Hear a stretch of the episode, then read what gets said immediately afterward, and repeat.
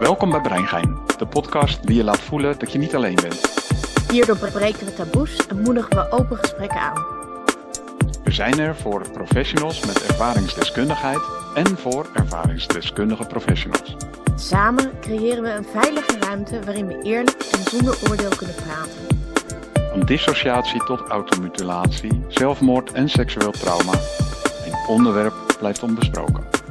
We willen de stilte doorbreken en een plek bieden om deze moeilijke thema's aan te kaarten. Sluit je aan, ontdek de kracht van gedeelde verhalen en laten we samen taboes doorbreken. Breingein, voor groei en genezing.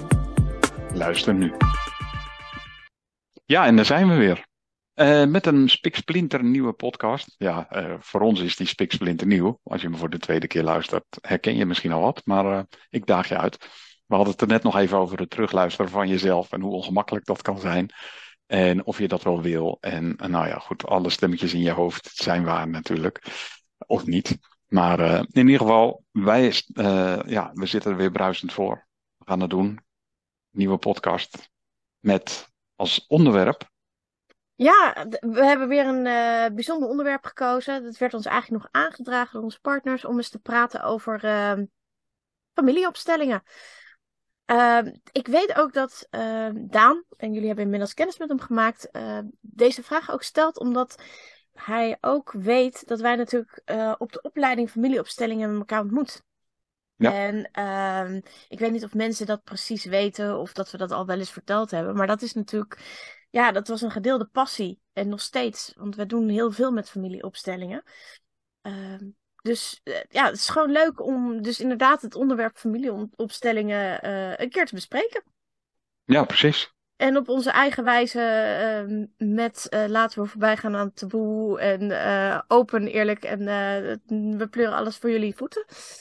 zullen we ook gewoon echt onze eigen verhaal met opstellingen natuurlijk vertellen. Ehm, waar kwamen we achter? wat was de struggle? Um, dus ja, ja. Wat gaan we doen?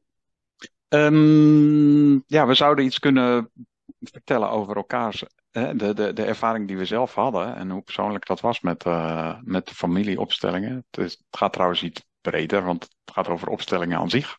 Dus ja, dat, uh, dat, dat, dat hoeft niet altijd met je familie te zijn. Dat kan ook met een symptoom zijn, maar dat kan ook met een organisatie zijn. Maar dat is wel handig om opstellingen in, uh, aan zich dan te ja, nu even te beperken van ja, wat zijn nou familieopstellingen? Hoe ga je dat doen? Wat, wat, wat, hoe werkt dat in de, in de principe en wat doet het met jou? Ja, moeten we iets algemeens vertellen over dat er een wetend veld is en dat er een bepaalde ordening is en dat er een. Uh, of is het vooral dat we mensen uitdagen om als ze ergens in vastlopen en het, het komt eigenlijk steeds niet boven water, want je kunt het niet grijpen. Dat het uh, handig kan zijn om een familieopstelling erbij te pakken, omdat je dan juist vaak uh, gepresenteerd krijgt waar de, ja, de, de obstructie ligt. Um, ja, ik vind het. Uh, we kunnen natuurlijk een theoretische exercitie houden. Dan kunnen we wel vijf podcasts vullen, want we hebben heel veel kennis opgedaan over dit vlak. Maar ik denk dat dat niet heel erg behulpzaam is. Nee, ik denk het ook niet. Maar wat wel zou kunnen helpen, is dat je kan bedenken dat je met uh, het fysiek doen van dingen iets anders doet dan met je hoofd. Want je Zeker. denkt dat je in je hoofd creëer je beelden. En die beelden zijn dan net degene die je op, tot op dat moment niet geholpen hebben. En dan blijft de vraag hangen. Ja, wat ik wel wil toevoegen is dat alle beelden die natuurlijk ontstaan binnen het veld, dat dat wel altijd de beelden zijn die uit de persoon zelf komen. Dus eh, ook al komt er naar voren dat uh, er iets heftig is gebeurd in het leven van de moeder van deze persoon, uh, dan is dat nog steeds wel verbonden aan degene die in het veld staat. Dus dat wil niet zomaar zeggen dat de persoon, die moeder, dat heeft meegemaakt. Maar het is hoe het is overgedragen binnen het veld. En voortleeft in de persoon die het opstelt. Ja, ja, ja. Ja, en toen zat ik gelijk te denken, zijn de mensen die als ons als luisteraars, zeg maar, met ons meeluisteren, altijd op de hoogte van hoe het, wat, wat dat nou is, hè, familieopstelling? Want krijg ik nog wel les. Um, ik heb wel eens gehoord van iemand die zei: het is eigenlijk een 3D-foto van een situatie. En uh, dat, uh, dat, dat klinkt dan misschien een beetje raar, want uh, een 3D-foto, ja, daar kunnen we iets bij voorstellen. 3D-printers kunnen iets uitprinten. Um, het zijn vooral zeg maar, de verhalen die ontstaan dat als mensen worden uitgenodigd om zeg maar, de foto in te vullen. Mm. Stel, je hebt het over een foto waarbij je, nou, een familieportret waar je vader, moeder en je broer en zus op staan. En je zegt, ja, daar was altijd iets met kleding. Een hele discussie over. Nou, en dan kan je dus, uh, uh, zeg maar, als je daar wat meer, als je daar iets over wil weten, als kleding, het gaat vaak over een trauma, maar ik noem nu even kleding, dus iets makkelijker om uh, van uit te gaan. Als je het daarover wil hebben, dan kan je dus zeggen, ja, wat, is, wat, wat heb je nodig en wat zullen we opstellen? Nou, laat eerst mijn moeder maar eens komen, want die had altijd van die rare jurken aan. En dan kan die moeder dus worden uitgenodigd om in het veld te komen. En het veld is ja, de plek waar je dan bent, een soort kring, uh, waar die moeder als representant van de moeder van die foto kan gaan staan. Ja, en dan gebeurt er eigenlijk iets bijzonders. Want dan ben je eigenlijk even op dat moment, uh, ben jij ook de moeder van degene die dus de opstelling doet. En dan ga je ook dingen zeggen waarvan je denkt van goh, wat bijzonder. Ik zou niet weten waarom ik dit nu zeg of waarom ik dit nu waarneem in mijn lijf.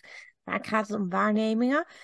En dan um, ja, ga je dus dingen vertellen die dus helpend zijn in de hulpvraag die daar ligt.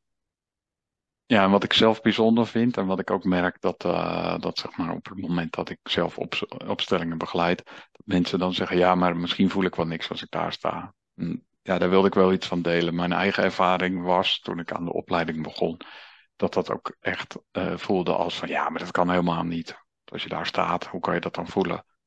Ja, totdat je uitgenodigd wordt om als broer van iemand uh, representant te zijn. En dan ontdek je ineens dat je pijn in je maag hebt. Of dat je, uh, dat je haar continu in je ogen zit. Of dat je moeite hebt om het te verstaan. En toen werd ik uitgenodigd om te zeggen, ja, wat is er dan? Ja, ik zeg, ik versta het zo slecht. En diegene die er stond, die zei, oh, maar dat klopt, want mijn broer is inderdaad slecht horen. En die, ja, die zorgde vaak voor een, in het gezin voor uh, verwarring, omdat iedereen dacht dat hij het hoorde, maar hij hoorde het niet. Mm. En uh, ja, het, het bracht inzicht bij degene die de opstelling deed. En dat is, uh, dat is eigenlijk hoe ik zelf over die gene heen ben gestapt. Door als ik uit word genodigd, je hebt altijd de kans om te zeggen: nee, ja, ik ga niet die broer zijn.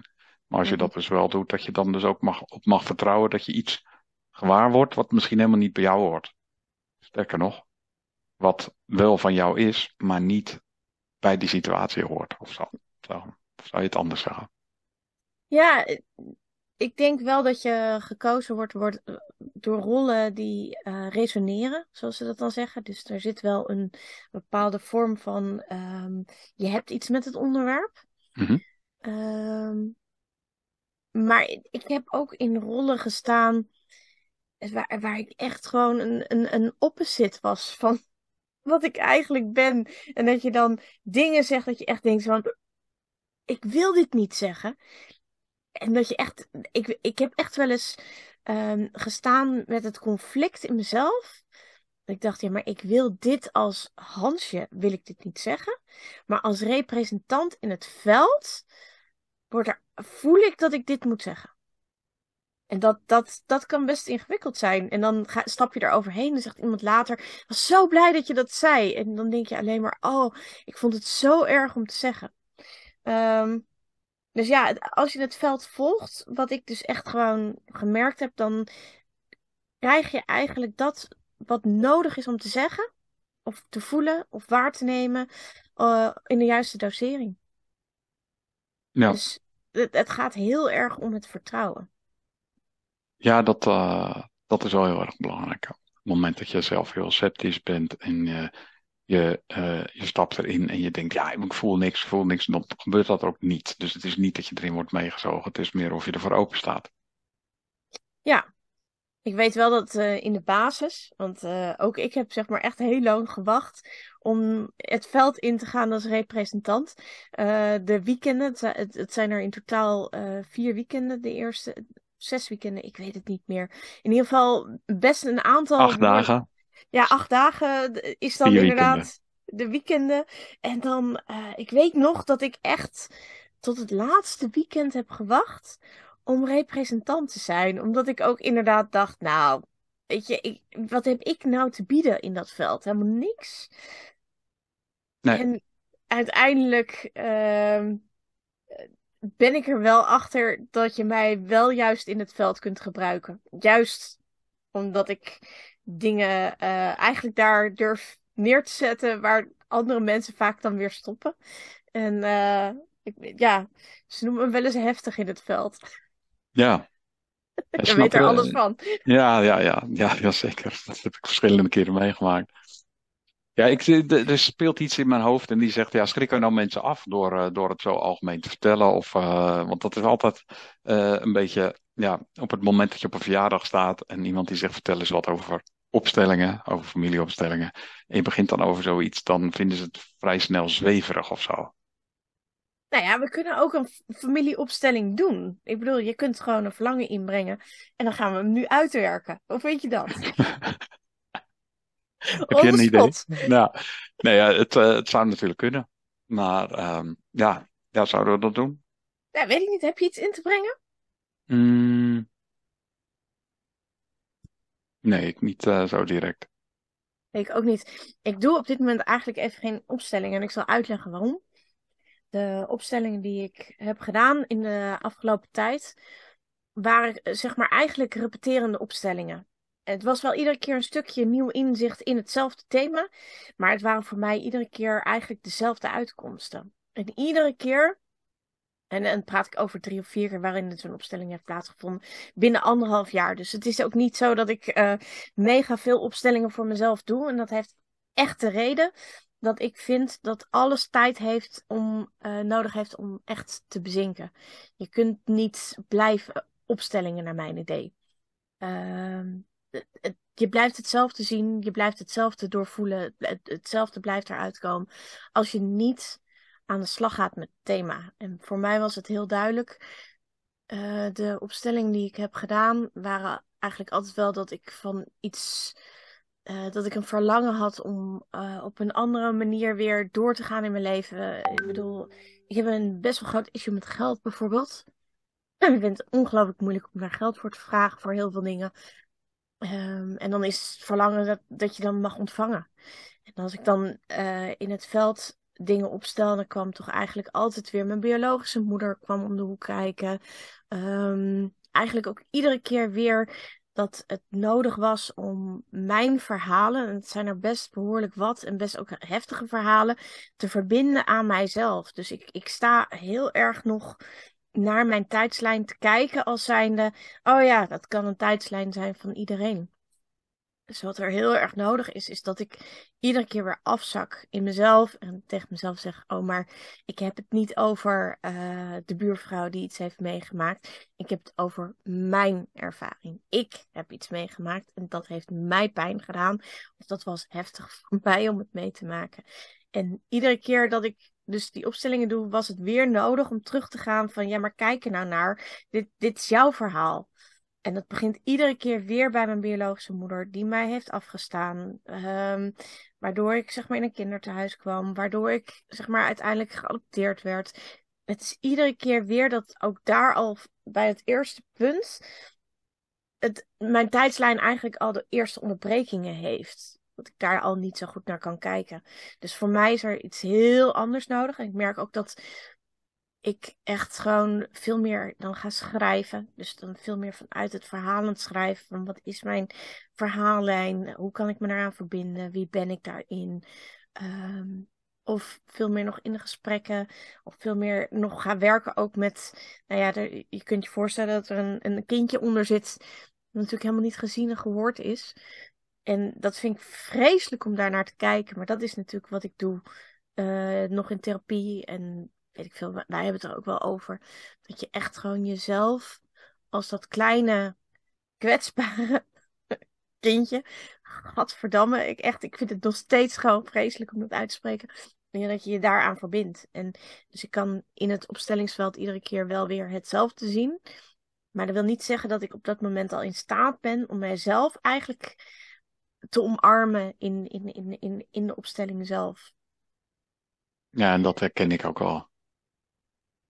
Dat, dat, je in een kring rond kan, uh, kan draaien. En uh, voor mij ging het vooral om de toestemming krijgen om iets te gaan doen. Om uh, op een bepaalde, om, om een bedrijf te starten, om mezelf te zijn. Wie ben ik dan als ik mezelf ben? En je komt dan eigenlijk op die thema's telkens weer dat uh, de mensen die dus representant zijn in de opstelling je van harte gunnen dat je dat ook gaat doen. Maar alles in je lijf roept van nee, ik weet niet hoe, ik weet niet wat, ik weet niet wat er moet gebeuren. En uh, dat, als dat telkens terugkomt, ja, we hadden het in de voorbespreking er al even over, dat, het, dat, uh, dat opstellingen aan zich niet de oplossing is voor een problematiek, maar het stelt een soort deur open richting iets waarvan je zelf, waar je eigenlijk zelf geen toegang toe had. Heb je het eenmaal gezien, dan zie je het in, in die volle omvang. En bij mij zit dat ook uh, in mijn vroege jeugd, wat je voelt van, hé, hey, daar zit daar zit dat stukje waar je uh, een, een klein kind bent en dat je zo nu dan in het nu nog reageert als een klein kind. En ja, ik denk dat het ook voor de luisteraars altijd herkenbaar zou zijn dat je soms denkt, ik noem maar wat, op, op het werk spreek je een collega aan op het feit dat hij zijn werk niet goed gedaan heeft en die reageert toch een partij kinderachtig. Oh, dus jij wil mij de les lezen? Dat. Uh, of, oh, dus jij vindt dat ik het niet goed doe? Terwijl het ook kan zijn van, joh, hoe zou ik het beter kunnen doen? Dus daarmee kan je de ander soms ook herkennen. Omdat je er zelf bent, bent geweest. En dat je er zelf soms ook last van hebt. Ja, last. Want dat is volgens mij een beetje het idee, hè? Ik bedoel, een opstelling ga je niet doen voor de grap. Nee, absoluut niet. Je doet en laten we eens kijken ergens... hoe mijn moeder in het systeem zit. Ja, en het gekke is dat als het om nieuwsgierigheid gaat, om waarheidsbevinding, dat ik het sowieso mensen zou afraden. Want um, waarheidsbevinding is het niet. Het is de waarheidsbevinding zoals het in jou leeft. Dus die bevinding doe je. En het is ook, als je nieuwsgierig bent, dan krijg je dus een soort van wetenschap, maar je krijgt geen echt intrinsiek gemotiveerd antwoord eigenlijk. Nee. Bedoel, nee, wij dan... werken heel erg vanuit het verlangen en we werken vanuit een traumatisering die er is geweest. Dus mensen ga je echt gewoon uitvragen als het gaat om van joh, wat, wat verlang je nou echt? Wat, wat, wat is nou echt dat diepste verlangen waarvan je zegt van ja, maar als ik dit zou opstellen, als ik daar naartoe zou kunnen komen, dan kom ik echt een stuk verder. En um, ja, jouw verlangen om zeg maar dat, dat bedrijf, dat was ook niet het verlangen. Het, het, het verlangen was natuurlijk dat stuk voor jezelf. Het, ik, ik, ik, wil, ik wil ik zijn. En dat heb je volgens mij ook echt wel opgesteld. Ik wil zijn, of ik, ik mag zijn, of um, dat je je dan echt die toestemming geeft. En waarom heb je die toestemming niet? En dat kristalliseert zich dan uit in het veld. Ja. En dat is de wetenschap die je dan hebt. En dan ga je daarmee aan de slag. Wat ik wel mooi vind is, het is niet iets dat uh, misschien alles oplost. Maar het brengt wel heel veel dingen in beweging. Dus het, het, het brengt wel de beweging op gang die nodig is om weer voor te kunnen. En daarop kun je dan weer doorbouwen. En bij sommige dingen is het echt inderdaad een eenmalige opstelling. Dat heb ik ook gezien. Mensen echt gewoon zo in zo'n opstelling komen tot een ja, verbinding met zichzelf op dat diepere niveau. Waarbij daarna inderdaad heel veel last is weggevallen. En dat het dus daadwerkelijk echt mooi rond is gemaakt. En dat je dus daarna weer door kunt. En wat ik ook heel vaak zie is, en dat is wat voor mij eigenlijk veel meer geldt, is dat ik vooral zie, oh, oké, dus hier ligt iedere keer weer dat stuk wat ik aandien te gaan. En dat kan ik wel iedere keer op blijven stellen, maar dan daarmee ga ik het niet aan. Daarmee verbind ik mezelf niet. En dan, dan heb je juist weer de andere therapieën nodig, of andere mensen. Of um, dat je zegt van joh, wat, wat is er verder nog nodig en waar loopt het op stuk? Um, in mijn geval was het natuurlijk echt. Um, kijk, de kop doet het wel, maar het lijf doet het niet. Dus um, de, de verbinding naar het lijf is voor mij natuurlijk heel belangrijk. En dat geeft natuurlijk uiteindelijk de verbinding met, ja, maar ik, ik was erbij bij die, bij die ervaringen. Ja. dat was niet iemand anders. Nou ja, precies. Dat is ook een beetje wat, uh, wat je dan natuurlijk ook meekrijgt. Als, er, als het gaat over een trauma, dan wordt er vaak dingen beveiligd en worden er bepaalde verbindingen weggehaald, zeg maar, om te voorkomen dat je te snel in een supergrote emotie schiet of compleet van de wereld af bent. Omdat het niet heel handig is als je ergens met een grote draaibank iets staat te doen, dat je ineens een soort half in slaap valt en je je handen kwijt bent, omdat iemand zegt, wat deed je nu? Ja, ik viel even weg. Ja, hoezo viel je weg? Ja, dat kan je dan eigenlijk niet uitleggen.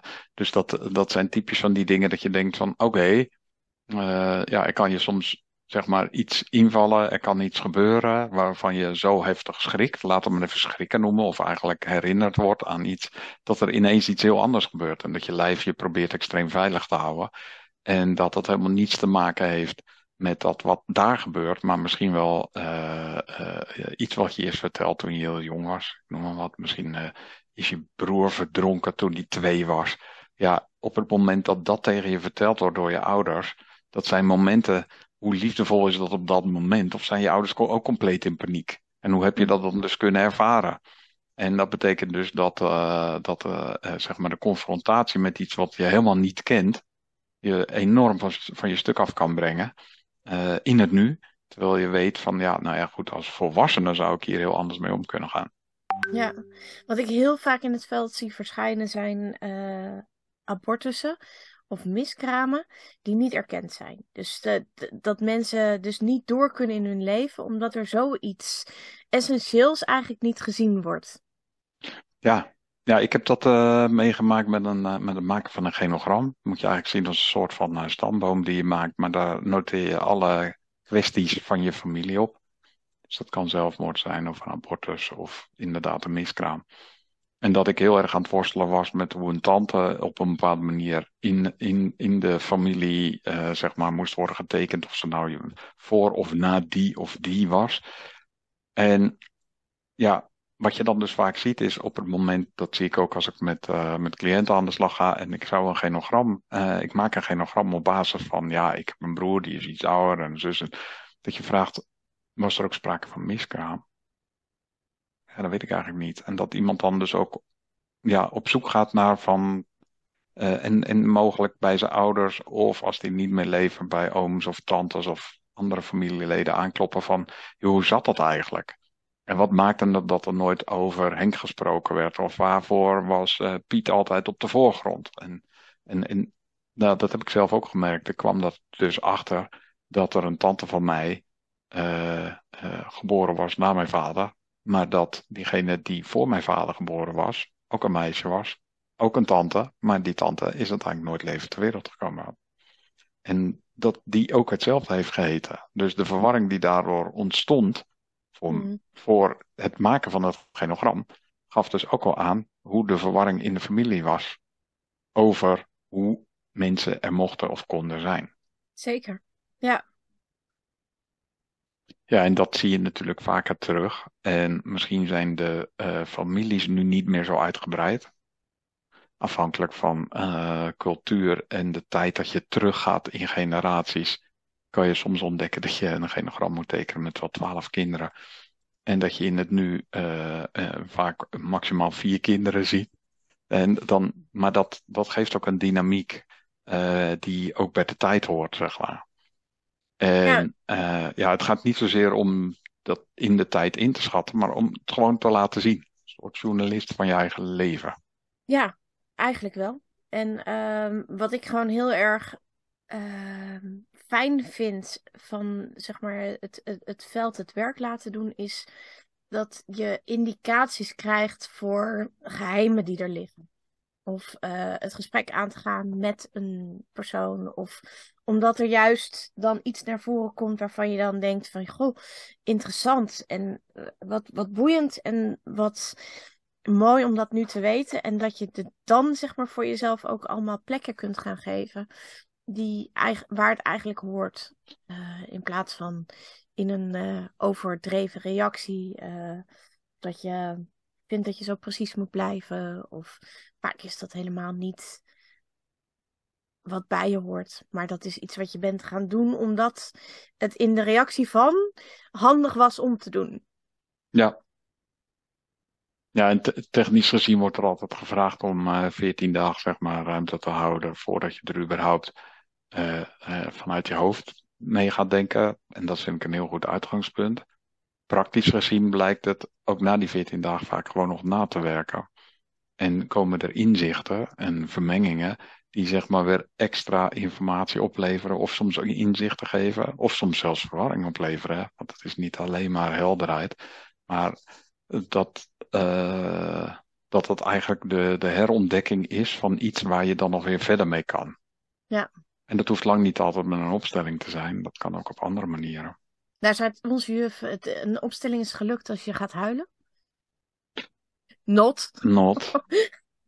Nee, maar ja, het is wel een mooie bijkomstigheid. Het, uh, het lijkt natuurlijk. Uh, het, het, het, is een gemiddeld gezien is het iets wat dan zeg maar het vrijkomen van energie betekent. Maar als iemand heel moeilijk huilt, uh, kan het dus ook zijn dat het, dat het een heel andere emotie is die bovenkomt. Wat dan ook wel weer heel mooi is om te merken, is dat het veld dan vaak voor je gaat huilen. Ja. Ja. Of ook terugspreekt van, maar dit is ook heftig. Mm Jij beschrijft het als gewoon, maar voor mij voelt het heel zwaar. Ja. ja. En je ziet soms mensen zelfs na verloop van tijd op de grond gaan zitten. Niet omdat ze het helemaal moe zijn of beu en denken van... Pff, maar die vinden het gewoon echt te zwaar, zeg maar.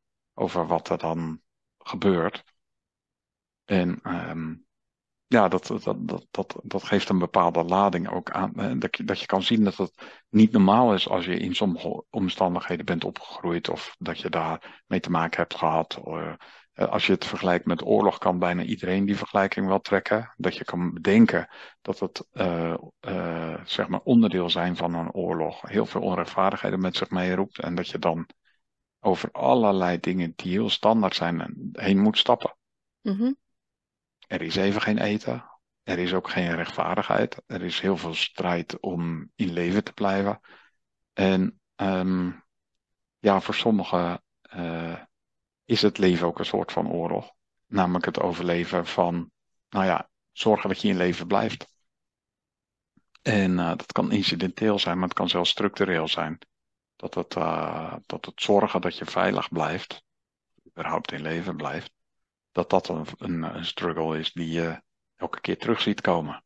Mm En dan zie je dat misschien zelfs in je huidige relatie en dan grijpt dat terug op iets wat je zelf ook als voorbeeld hebt gekregen. Ja. Nou is uh, ons publiek natuurlijk, uh, zijn coaches en therapeuten die uh, vastlopen met hun eigen ervaringsdeskundigheid binnen de praktijk. Ja. Uh, voor die groep zijn familieopstellingen natuurlijk fantastisch om te kijken van, joh, waarom uh, loopt het met een bepaalde klant niet?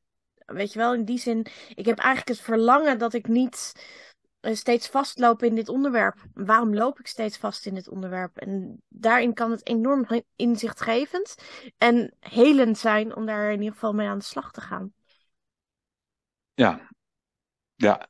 En, um, ja, dat, uh, als je ook zeg maar in die, in die situatie zit, kan het dus ook zijn dat je kiest voor een andere opzet. Uh, je kan bijvoorbeeld heel erg bedenken, nou ik ga die vader of die moeder ga ik een plek geven in het veld. Maar het kan ook iets zijn waarvan je zegt van, nou waar heb ik heel erg veel last van? Zullen we dat dan opstellen? Een symptoom van iets. Ja, ik heb altijd last van mijn buik op het moment dat het... Uh, dat ik denk dat, dat ik een hele grote topprestatie neer moet zetten. Nou, wat zegt die buik dan? Nou, en dan, dan, dan krijg je een heel ander licht daarop. Um, maar het, geeft inderdaad aan van, uh, je kan voor jezelf dan ook kijken wat jou tegenhoudt. Om die invulling voor de rest te geven. Uh, ja, het kan gewoon zijn dat het iets in jezelf triggert. Wat je bij je cliënt weerspiegeld ziet, zeg maar, in jezelf. Ja, als ik zelf kijk naar mijn opstellingen, is natuurlijk eigenlijk het meest heftige wat ik iedere keer weer zie, is eigenlijk meer of meer uh, mijn biologische moeder. Um, en, en, en de ene moment uh, is daar liefdevol om uh, zeggen van ja, ik hou van je in het volgende moment, maar ik kan niks met je. Dus het is toch iedere keer weer een afwijzing die je natuurlijk meekrijgt. Dus het Mhm. is echt heel persoonlijk, raakt dat mij natuurlijk iedere keer. Heb jij ook dat soort dingen in het veld die jou, ehm, zeg maar, steeds getoond worden, waar jij dan ook nog steeds eigenlijk een soort van emotionele verbinding mee hebt? Ja, voor mij is dat vooral eh, niet eh, dat elke keer willen vragen van toestemming en ook elke keer weer vastlopen in, ja, maar dan nu, wat moet ik dan doen?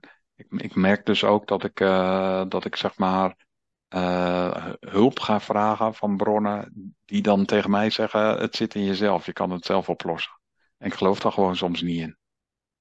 En afhankelijk van mijn eigen helderheid zie ik dan dus dat dat, dat, dat weer terugkomt en dan dan overvalt het me een soort. En op sommige momenten vertrouw ik er gewoon op en dan valt het me vanzelf in. Wat ik moet zeggen of moet doen. Of eigenlijk moet ik niks. Ik, dat valt me gewoon in wat daar dan op dat moment voor speelt. Nou ja, wat ik merk is dat je wel steeds een stapje dieper gaat. Mag ik eh, ehm, op een van je opstellingen ingaan? Ehm, ik ben in een van jouw opstellingen was ik jouw gevoel dat je Mhm. helemaal zeg maar geketend had. Ik lag echt in een kooi.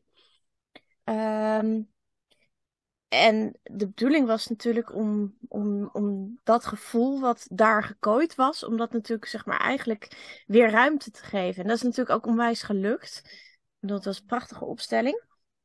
Ehm, en daarin zie je dus ook dat er ontwikkeling is. Want in de volgende opstelling die je deed, was het gevoel al een heel ander ehm, systeem geworden. Dat, dat, dat had veel meer een, een naam gekregen. En, eh, en, en, en je kon het veel meer al gebruiken, bij wijze van spreken, dat gevoel. En dat, dat, dat vind ik wel mooi, want dat zie je dus dan echt terug in, in je dagelijks leven. Dat het eerst eigenlijk vooral hoofd en weg van het gevoel. Geen boosheid, geen verdriet, geen, geen blijheid.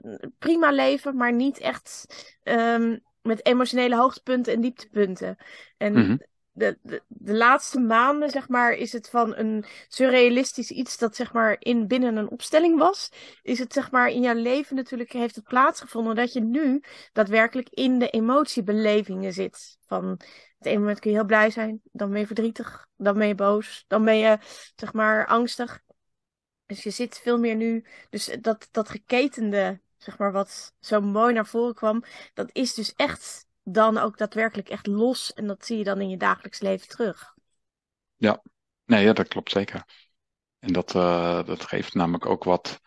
ehm, ja, de, de beoordeling daarvan, zeg maar. Dus het feit dat het er niet mocht zijn, of dat ik me bedacht van, ja, maar dat, dat, dat, dat is niet behulpzaam. Ja, dat merkte je wel. Dat weerhield me ervan om daar naartoe te gaan. Dus ja, vooral geen gevoel voelen. Want ja, stel voor, als je gevoel voelt, eh, dan ben je kwetsbaar. En als je kwetsbaar bent, dan eh, kunnen mensen je raken. En als mensen je kunnen raken, ja, weet je, voor je het weet, sta je 2-0 achter. En, eh, en dat, dat, dat, ja, dat werkt zich eh, door in dat je daar zelf ook eerlijker over kan zijn, maar ook gewoon een beter gevoel over kan hebben. Mhm. En dat op het moment dat je durft om daadwerkelijk, zeg maar, eh, ehm, ehm, daar te zijn. En dat je daadwerkelijk daar, zeg maar, die verbinding kan maken. Dat dat dan ehm, ook helpt om, ja, dat andere mensen zeggen, oh, maar dit is ook een hele leuke kant van jou. Ik, Mhm. ik vond het eigenlijk wel leuk, we hadden het erover van, je komt in de opleiding en, en, en, en op een bepaald moment stap je daar weer uit. En, en dan kom, kom je elkaar later tegen. En dan hoor je ook terug van ja, aan het begin was je vooral een soort eh, ja, zoeker, waarheidsvinder. Eh, je was eh, bezig om binnen te komen en misschien wel weer een nieuw trucje te leren, laat het maar even zo zeggen. Mhm. Of om iets te ontdekken. En ehm, ja, wat ik eigenlijk geleerd heb, is niet het trucje te leren, maar gewoon eh, te gaan voelen in de inhoud. Om te kijken van wat wel en niet klopt. En dat maakt het, ja, ik vind het zelf ook nog best ingewikkeld om eh, familieopstellingen te, uit te leggen aan iemand die dat nog nooit gedaan heeft, zonder een of andere, nou ja, in eh, vaktermen van technologie, eh, waar ik dan een beetje in zit, een, een zweefteef te zijn. Want ja, dat is toch al vrij snel iets van, hoe, maar als jij dat ziet of voelt, of, of- maar, zit je in een zoveelste dimensie of zo? Dat bestaat helemaal niet. Ik heb er maar drie. En misschien is ruiken een vierde, maar uh, weet je, veel meer dimensies heb je niet. En dit is ook niet iets waarvan ik zeg, ja, het is een dimensie. Het is een andere manier van kijken naar wat er al is. En dat maakt het best wel, ja, voor techneut zweverig. Uh, ja. Ja, ik heb er gelukkig geen last van. Um, ik, ik, ik ben denk ik gewoon een van die zweefteven die het oh, wel heel nuchter aanpakt. Want ik, ik, heb nooit iemand die tegen mij zegt: Goh, wat, wat, wat ben je daar uh, zweefteverig in?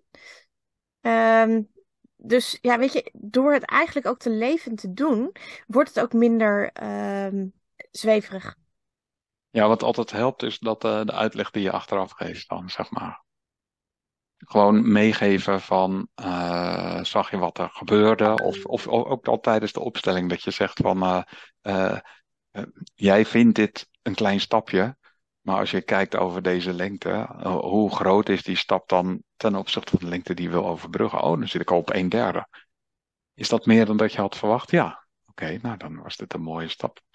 Dus ja, dat geeft ook al aan dat overtuigingen die in je zitten, uh, dat, uh, dat je daarmee helpt om anderen daar inzicht in te geven, door het gewoon te benoemen.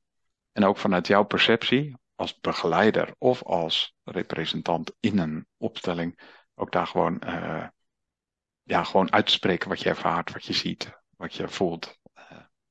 En ja, dan is wat aan het begin dat sturende is, want we leren natuurlijk allemaal trucjes. We leren -hmm. wiskunde, we leren natuurkunde, we leren scheikunde, sommigen nooit. Jij maar, dus, want ja. ik niet. nee, maar dat kan ook biologie zijn of taal. Dat zijn dingen die je leert en die je, die je uh, zeg maar weer opnieuw weer uitrolt. En dat, dat, ja, dat is kennis, zeg maar. Mm -hmm. En uh, die kennis, als iemand zegt, jij snapt het niet, dan voel je al waar je naartoe gaat. Dan gaat het naar gevoel. Want dan is er een waardeoordeel over jou, over jouw kennis. Uh, terwijl kennis per definitie zoiets is. een woord is een woord en dat vertaal je in een ander woord en daarmee is het dit woord. Klaar, ja, punt. en iedereen ah. heeft zijn eigen waarheid. Dus er is ook geen, geen ultieme waarheid. Nee. dus nee. Dat, dat, dat geeft ook nog wel eens wat ongemak. Dat iedereen het anders vertaalt. Ja. Um, wat, ik, wat we ook wel tegenkomen is mensen die um, verwachten dat je door familieopstellingen um, geneest. Ja. Hoe denken wij daarover? Nou, dat vind ik ingewikkeld. Want um, wat is genezen? Uh, dat is namelijk. Uh, genezen is iets wat je lijf heel, heel mooi kan. Als je gezond bent en je snijdt uh, jezelf aan een, aan een keukenkastje omdat er een heel scherpe rand aan zit. En je ziet dat het geneest, dan is dat iets wonderlijks, zeg maar. En dat is, de, dat, is, dat is datgene wat jouw lijf kan. Want die is erop ingesteld om dingen te genezen, weer opnieuw te herstellen.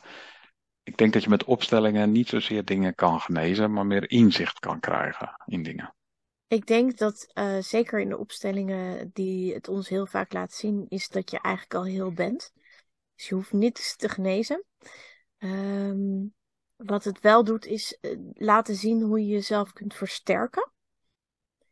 Door uh, inzicht te geven in wat bijvoorbeeld je mechanismes zijn. En als je daar dus je op concentreert, dat je daar zeg maar het stukje proces doorheen gaat. Maar ik denk nog altijd dat het een heel actief proces van jezelf blijft. Ik denk niet dat het veld het voor je op kan lossen. Ik denk dat je altijd nog steeds je eigen stappen zult moeten blijven zetten om uh, een patroon te doorbreken of um, uh, te versterken of te zorgen dat je meer zelfcompassie, uh, dat je dat vergroot. Of... Dus ik denk altijd dat er wel een, een, een bepaalde mate van ja, doen achter blijft zitten. Ja, ik zie het zo. Je mag vertrouwen op je lijf dat het geneest. En je mag vertrouwen op je ziel dat hij het gaat begrijpen. Is dat gek, als ik dat zo zeg? Ik vind het prachtig. Dus dat, uh, en dat vertrouwen, dat is ook wel wat er nodig is. En soms is het vertrouwen natuurlijk verdwenen bij hoe je groot bent geworden. Om de simpele reden dat je dacht dat je ergens op mocht vertrouwen en dat er je duidelijk is gemaakt dat het toch eigenlijk niet mocht. Of dat je ervaren hebt dat het niet mocht, want dat kan ook nog zoiets zijn. Mhm. En dat dat er dan voor heeft gezorgd dat je er niet meer op vertrouwt. En eh, dat vertrouwen terugkrijgen in dat het kan. Wees daarin mild voor jezelf. Kan wel, maar het is niet zoiets als van, eh, ja, doe even, eh, we doen even twee of drie opstellingen en dan ben je genezen. Nee. Nee. Wat is nou je grootste eye-opener? Als het gaat om familieopstellingen? Eh, vooral niet sturen. Nee. Ongeacht waar je bent. Of je representant bent, of je zelf de opsteller bent, of je de vraagsteller bent, niet sturen. Loslaten. En je laten meenemen met de flow. En dat is ongeveer het engste wat je als mens kan doen. Ik Bedenk heb maar, altijd heel nederig ervan. Ik- er is iets dat eh, op dat moment van mij vraagt om eh, de begeleiding te doen, maar wat begeleid ik? Ik begeleid niks anders dan dat wat er is. En je bent eigenlijk alleen maar een soort van holding the space houder. Dus eh, je bent niet het sturende, je bent niet het. Je bent zo nederig aan het proces eigenlijk. Dat, want uiteindelijk doet de persoon het zelf met de, de representanten die daar ehm, op vrijwillige basis vaak ehm, een bijdrage aan leveren. ja. Ja, ik denk wel dat het goed is om te benadrukken dat je wel verantwoordelijk bent om te kijken of iedereen in het proces veilig blijft. Tuurlijk. Want dat is, eh, dat is wel heel belangrijk, omdat er ook dingen kunnen gebeuren die, zeg maar, ja, eh, onbedoeld dingen triggeren bij anderen. Dat is En wat dat is eh, wat dat ik is heel erg heel bedoel fijn. Met echt holding the space. Dus Ja. dat het er mag zijn en mag gebeuren. En natuurlijk ben je daar de afbakening in. Ja. Maar ja, het- maar het sturende daarin, dat, dat, dat, dat zodra je dat wil gaan doen, dan zal het veld zich ook gewoon afkappen. Nee, precies. Ik zou zeggen, probeer een oceaanstromer in het Suezkanaal eh, te draaien. Dat gaat niet lukken, hebben ze geprobeerd. Ging falikant mis. Maar eh, dat is eigenlijk ook wat je kan hebben als je denkt van nou, een eh, opstelling wil even de boel fixen. Ja. Ja. There's, there's no fix. Nee. Ehm, raden wij iedereen aan om familieopstellingen te doen? Ehm, nou, ik, ik, ik, ik raad altijd wel aan om vooraf een gesprek te hebben daarover. Voor, om te voorkomen dat mensen instappen die eh, of verkeerde verwachtingen hebben, eh, of die mogelijk eh, in een ander stuk proces zitten, dat ze eerst iets anders moeten oplossen voordat ze daar instappen. Ehm, en ja, dat heeft meer te, te maken met de veiligheid vooraf. Ja. Nou hebben we het gehad over familieopstellingen met representanten, dus dat betekent vaak in de ruimte. Maar dat hoeft natuurlijk helemaal niet. Ik Nee. bedoel, wij doen ook opstellingen gewoon individueel met Ja. mensen. Ehm, en die zijn net zo krachtig. Ja, ja, ja, en daar gebruiken ze soms wat hulpmiddelen bij. Eh, zoals poppen of eh Playmobil poppen of dat soort zaken. Omdat dat ook vaak iets, iets eh, dat geeft al heel veel inzicht in, Mhm. in, in hoe het gaat. En eh, die zijn ook heel geduldig trouwens. Die kunnen alleen niet zoveel zeggen. Dus ja, de, de, de, de kracht die je hebt, die zit dan in samen. En eh, ja, daar heb ik ook hele mooie voorbeelden van mee mogen maken zelf. Dat je dan merkt van dat dat ook heel goed kan. Ja, ik, ik, eh, ik heb natuurlijk een eigen vorm daarin. En die duurt ook best wel lang om er doorheen te gaan.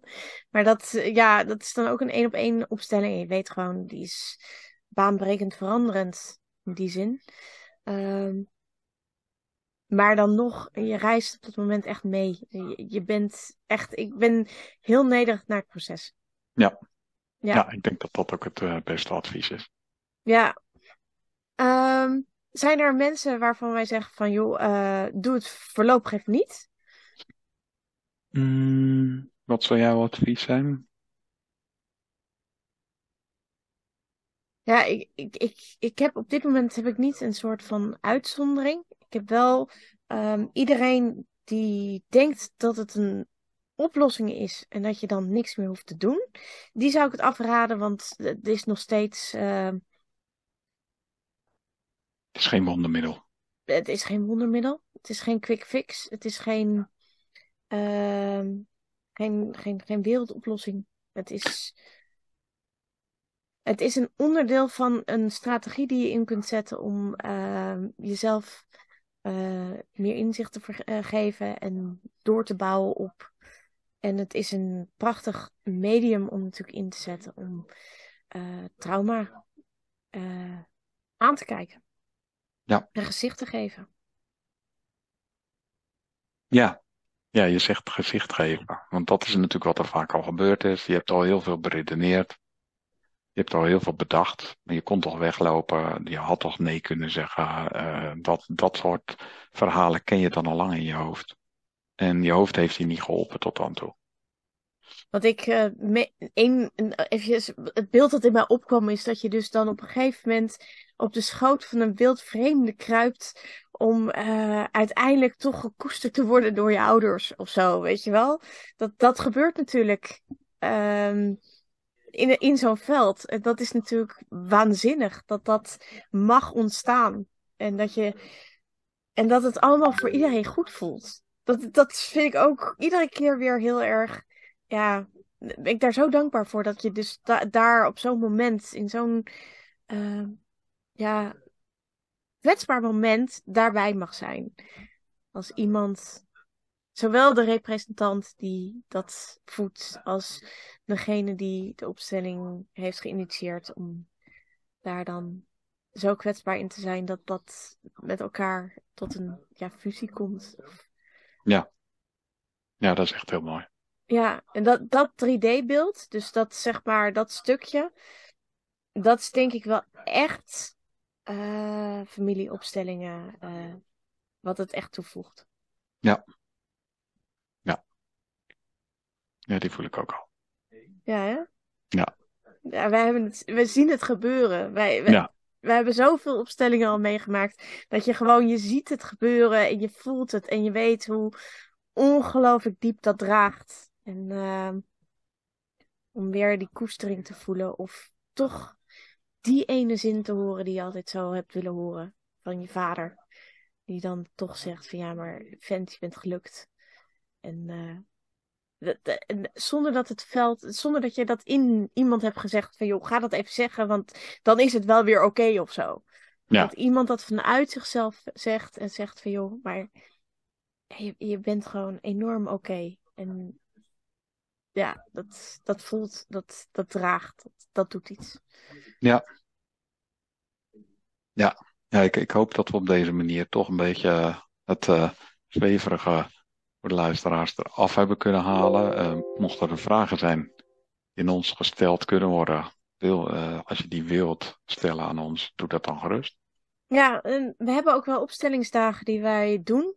Ja. Uh, maar meestal doen we ze als onderdeel van een, uh, een echt een, ja, een, een weekend. Ja, een weekend of een traject waarin we mensen echt meenemen. En dan is het een onderdeel van, van het geheel. Waar je dus, omdat wij dus ook niet geloven in de kracht van alleen maar een opstelling. Nee. Er is vaak, zeker voor de mensen met trauma en noem maar op, er is gewoon meer nodig.